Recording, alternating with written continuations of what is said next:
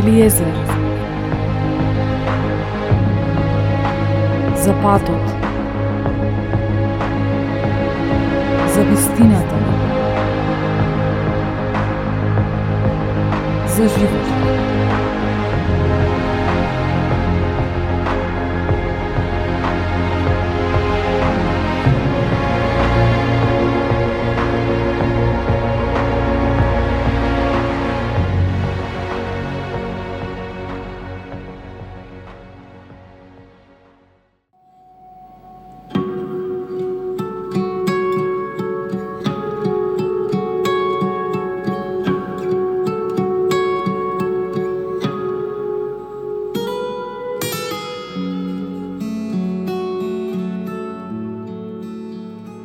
Дали го познаваш Исус Христос?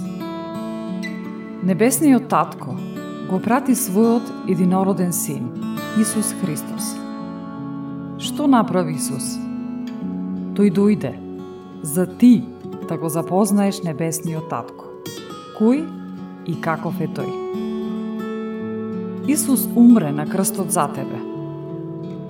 Сакам да ти го представам Исус Христос, личноста наречена Исус.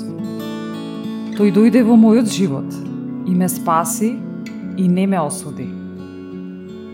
Направи го и ти истото. Откри колку е прекрасен Исус, што направи тој за тебе.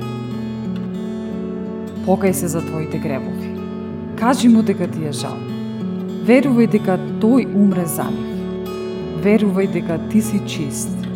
Чиста Верувај дека тој живее во тебе, преку изговорена покана, и верувај дека тој може да те употреби за да ги нахраниш гладните, да им помогнеш на оние што се во потреба. Биди како него. Представувај го во секоја област од твојот живот. Изборот е твој. Ти си избраниот посредник. Дали има потреба да се споредува тоа со нешто друго? Изговори го следново на глас. Мил Господе, јас сум грешник. Сгрешив против Тебе и многу ми е жал. Верувам дека крвта на Исус ги чисти сите мои гревови и дека Ти повеќе не ги помниш. И сега кога сум чист, чиста, те барам, Господи Исусе, дојди и живеј во мене. Биди мој спасител Ти си мој господар. Јас сакам да го доживеам моето лично искуство со Тебе.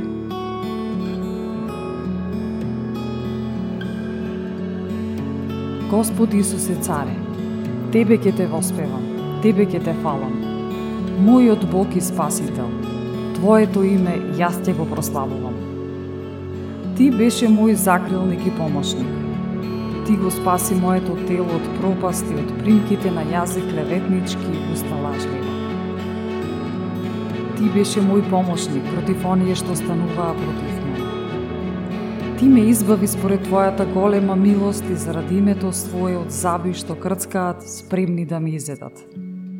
И од рацете на оние што ја бара мојата душа и од многуте жалости што ги имав. Од оган, кој што ме задушуваше од сите страни од пламенот што не ме изгоре. Од лабината на довата утроба од нечист јазик и лажливи зборови. Од клевета на неправетен јазик пред цар. Душата моја близо до смртта беше. Животот мој до дното на пеколот. Од сите страни ме обкружува и немаше кој да ми помогне. Од луѓе помош со поглед барав, но ја немаше тогаш си спомнав за милоста Твоја, Господи, и за делата Твои уште од почеток. Дека ги спасуваш оние што на Тебе се надеваат, ги спасуваш од непријателски раце. Гласот на мојата молитва од земја го подигнав.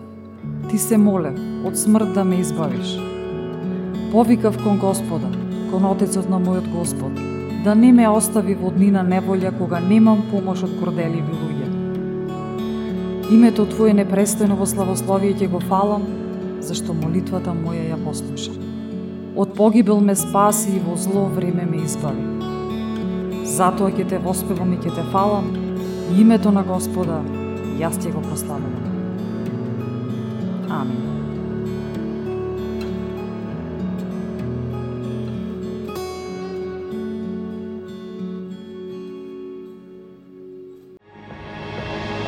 Елиезер